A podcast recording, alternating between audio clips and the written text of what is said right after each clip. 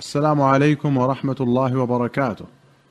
في كتاب ذكر رسول الله صلى الله عليه وسلم أخرج البخاري ومسلم عن عائشة قالت توفي رسول الله صلى الله عليه وسلم وليس عندي شيء يأكله ذو كبد إلا شطر شعير في رف لي فأكلت منه حتى طال علي فكلته ففني وأخرج الشيخان عنها قالت كان يأتي علينا الشهر ما نوقد فيه نارا. إنما هو التمر والماء. إلا أن يؤتى باللحيم. وفي رواية قالت ما شبع آل محمد منذ قدم المدينة من طعام ثلاث ليال تباعا حتى قبض. وفي أخرى قالت ما شبع آل محمد من خبز شعير يومين متتابعين حتى قبض رسول الله صلى الله عليه وسلم.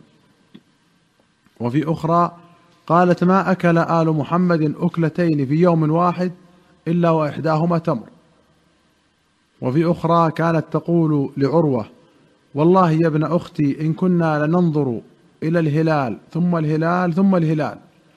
ثلاثة أهلة في شهرين وما أوقد في أبيات رسول الله صلى الله عليه وسلم نار. قال قلت يا خالة فما كان يعيشكم؟ قالت الأسودان التمر والماء. إلا أنه قد كان لرسول الله صلى الله عليه وسلم جيران من الأنصار وكانت لهم منائح فكانوا يرسلون إلى رسول الله صلى الله عليه وسلم من ألبانها فيسقيناه. ولمسلم قالت لقد مات رسول الله صلى الله عليه وسلم وما شبع من خبز وزيت في يوم واحد مرتين. وأخرج البخاري عن أنس قال رهن النبي صلى الله عليه وسلم درعه بشعير. ومشيت إلى النبي صلى الله عليه وسلم بخبز شعير وإهالة سنخة. ولقد سمعته يقول ما أصبح لآل محمد إلا صاع ولا أمسى وإنهم لتسعة أبيات. والإهالة ما أذيب من الشحم. وقيل هو الدسم الجامد وهي بشعة في الحلق والسنخة هي متغيرة الريح. وأخرج البخاري عن قتادة قال كنا نأتي أنس بن مالك وخبازه قائم فيقدم إلينا الطعام ويقول أنس كلوا. فما أعلم النبي صلى الله عليه وسلم رأى رغيفا مرققا حتى لحق بالله ولا رأى شاة سميطا بعينه قط. رغيفا مرققا أي لينا واسعا. والشاة السميط هي المشوية. وأخرج البخاري ومسلم عن أنس قال كان رسول الله صلى الله عليه وسلم أحسن الناس وجها وكان أجود الناس وكان أشجع الناس. ولقد فزع أهل المدينة ذات ليلة فانطلق ناس من قبل الصوت فتلقاهم رسول الله صلى الله عليه وسلم راجعا. وقد سبقهم إلى الصوت. وفي رواية وقد استبرأ الخبر وهو على فرس لأبي طلحة يقال له المندوب عري ما عليه سرج في عنقه السيف وهو يقول لم تراعوا لم تراعوا وإن وجدناه لبحرا وكان فرسه يبطأ فما سبق بعد ذلك اليوم وفي أخرى مختصرا قال استقبلهم النبي صلى الله عليه وسلم على فرس عري ما عليه سرج في عنقه سيف. وللبخاري أن أهل المدينة فزعوا مرة فركب النبي صلى الله عليه وسلم فرسا لأبي طلحة كان يقطف أو كان فيه قطاف أي ضيق في خطوه وسرعة في مشيه. فلما رجع قال وجدنا فرسكم هذا بحرا وكان بعد لا يجارى. وله في أخرى قال فزع الناس فركب رسول الله صلى الله عليه وسلم فرسا لأبي طلحة بطيئا ثم خرج يركض وحده. فركب الناس يركضون خلفه فقال لم تراعوا إنه لبحر فما سبق بعد ذلك اليوم. قوله بحر يقال للفرس بحر إذا كان سريع الجري أو لا ينفد جريه فهو كالبحر. وأخرج مسلم عن أنس أن رسول الله صلى الله عليه وسلم قال ولد لي الليلة غلام فسميته باسم أبي إبراهيم ثم دفعه إلى أم سيف امرأة قين يقال له أبو سيف فانطلق يأتيه واتبعته فانتهينا إلى أبي سيف وهو ينفخ بكيره وقد امتلأ البيت دخانا فأسرعت المشي بين يدي رسول الله صلى الله عليه وسلم فقلت يا أبا سيف أمسك. جاء رسول الله صلى الله عليه وسلم فأمسك.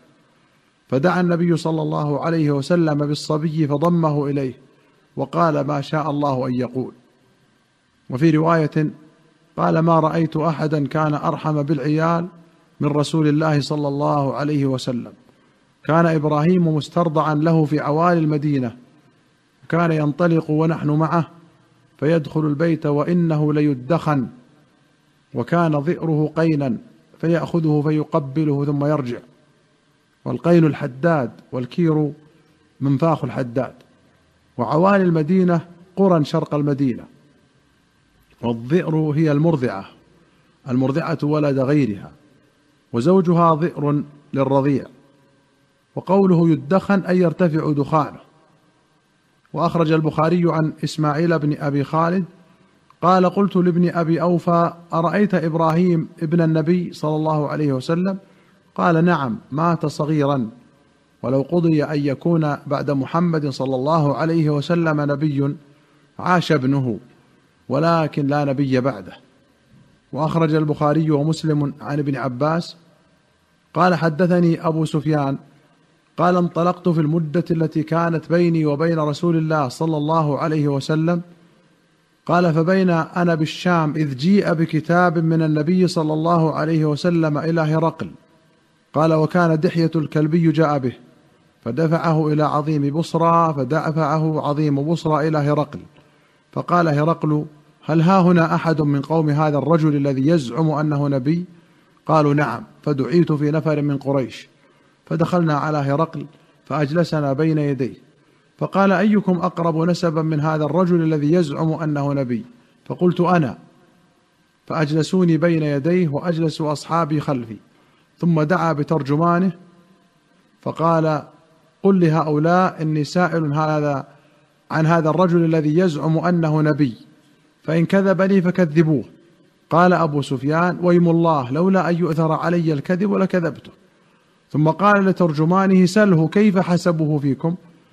قلت هو فينا ذو حسب. قال فهل كان من آبائه من ملك؟ قلت لا. قال فهل كنتم تتهمونه بالكذب قبل أن يقول ما قال؟ قلت لا. قال فهل يتبعه أشراف الناس أو ضعفاؤهم؟ قلت لا بل ضعفاؤهم. قال أيزيدون أم ينقصون؟ قلت لا بل يزيدون. قال هل يرتد أحد منهم عن دينه بعد أن يدخل فيه سخطة له؟ قلت لا. قال فهل قاتلتموه؟ قلت نعم. قال فكيف كان قتالكم إياه؟ قلت تكون الحرب بيننا وبينه سجالا يصيب منا ونصيب منه. قال فهل يغدر؟ قلت لا. ونحن منه في هذه المدة لا ندري ما هو صانع فيها. قال والله ما أمكنني من كلمة أدخل فيها شيئا غير هذه. قال فهل قال هذا القول أحد قبله؟ قلت لا. ثم قال لترجمانه قل له إني سألتك عن حسبه فيكم فزعمت أنه فيكم ذو حسب وكذلك الرسل تبعث في أحساب قومها. وسألتك هل كان من آبائه ملك؟ فزعمت أن لا. فقلت لو كان من آبائه ملك قلت رجل يطلب ملك آبائه. وسألتك عن أتباعه اضعفاؤهم أم أشرافهم؟ فقلت بل ضعفاؤهم وهم أتباع الرسل. وسألتك هل كنتم تتهمونه بالكذب قبل أن يقول ما قال؟ فزعمت أن لا. فعرفت أنه لم يكن ليدع الكذب على الناس ثم يذهب فيكذب على الله. وسألتك هل يرتد أحد منهم عن دينه بعد أن يدخل فيه سقطه له؟ فزعمت أن لا. وكذلك الإيمان إذا خالط بشاشة القلوب. وسألتك هل يزيدون أم ينقصون؟ فزعمت أنهم يزيدون. وكذلك الإيمان حتى يتم. وسألتك هل قاتلتموه؟ فزعمت أنكم قاتلتموه فتكون الحرب بينكم وبينه سجالا ينال منكم وتنالون منه. وكذلك الرسل تبتلى ثم تكون لها العاقبة. وسألتك هل يغدر؟ فزعمت أنه لا يغدر. وكذلك الرسل لا تغدر. وسألتك هل قال هذا القول أحد قبله؟ فزعمت أن لا. فقلت لو كان قال هذا القول أحد قبله قلت رجل ائتم بقول قيل قبله. ثم قال بما يأمركم؟ قلت يقول اعبدوا الله وحده ولا تشركوا به شيئا واتركوا ما يقول آباؤكم ويأمرنا بالصلاة والزكاة والصدق والعفاه والصلة. قال يك ما تقول حقا فإنه نبي.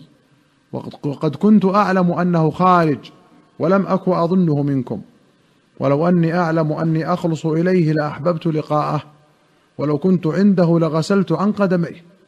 ولا يبلغن ملكه ما تحت قدمي ثم دعا بكتاب رسول الله صلى الله عليه وسلم فقرأه فإذا فيه بسم الله الرحمن الرحيم من محمد رسول الله إلى هرقل عظيم الروم سلام على من اتبع الهدى. أما بعد فإني أدعوك بدعاية الإسلام أسلم تسلم وأسلم يؤتك الله أجرك مرتين فإن توليت فإن عليك إثم الأريسيين. ويا أهل الكتاب تعالوا إلى كلمة سواء بيننا وبينكم ألا نعبد إلا الله ولا نشرك به شيئا ولا يتخذ بعضنا بعضا أربابا من دون الله فإن تولوا فقولوا اشهدوا بأننا مسلمون. فلما فرغ من قراءة الكتاب ارتفعت الأصوات عنده وكثر اللغط وأمر بنا فأخرجنا. فقلت لأصحابي حين خرجنا لقد أمر أمر ابن أبي كبشة إنه ليخافه ملك بني الأصفر. فما زلت موقنا بأمر رسول الله صلى الله عليه وسلم أنه سيظهر حتى أدخل الله علي الإسلام. قوله بدعاية الإسلام أي دعوة الإسلام. والأريسيون قيل الخدم والأتباع وقيل الفلاحون. وأبو كبشة رجل من خزاعة كان خالف قريشا في عبادة الأوثان فلما خالفهم النبي صلى الله عليه وسلم شبهوه به. وقيل كان جد النبي صلى الله عليه وسلم لأمه. والسلام عليكم ورحمة الله وبركاته.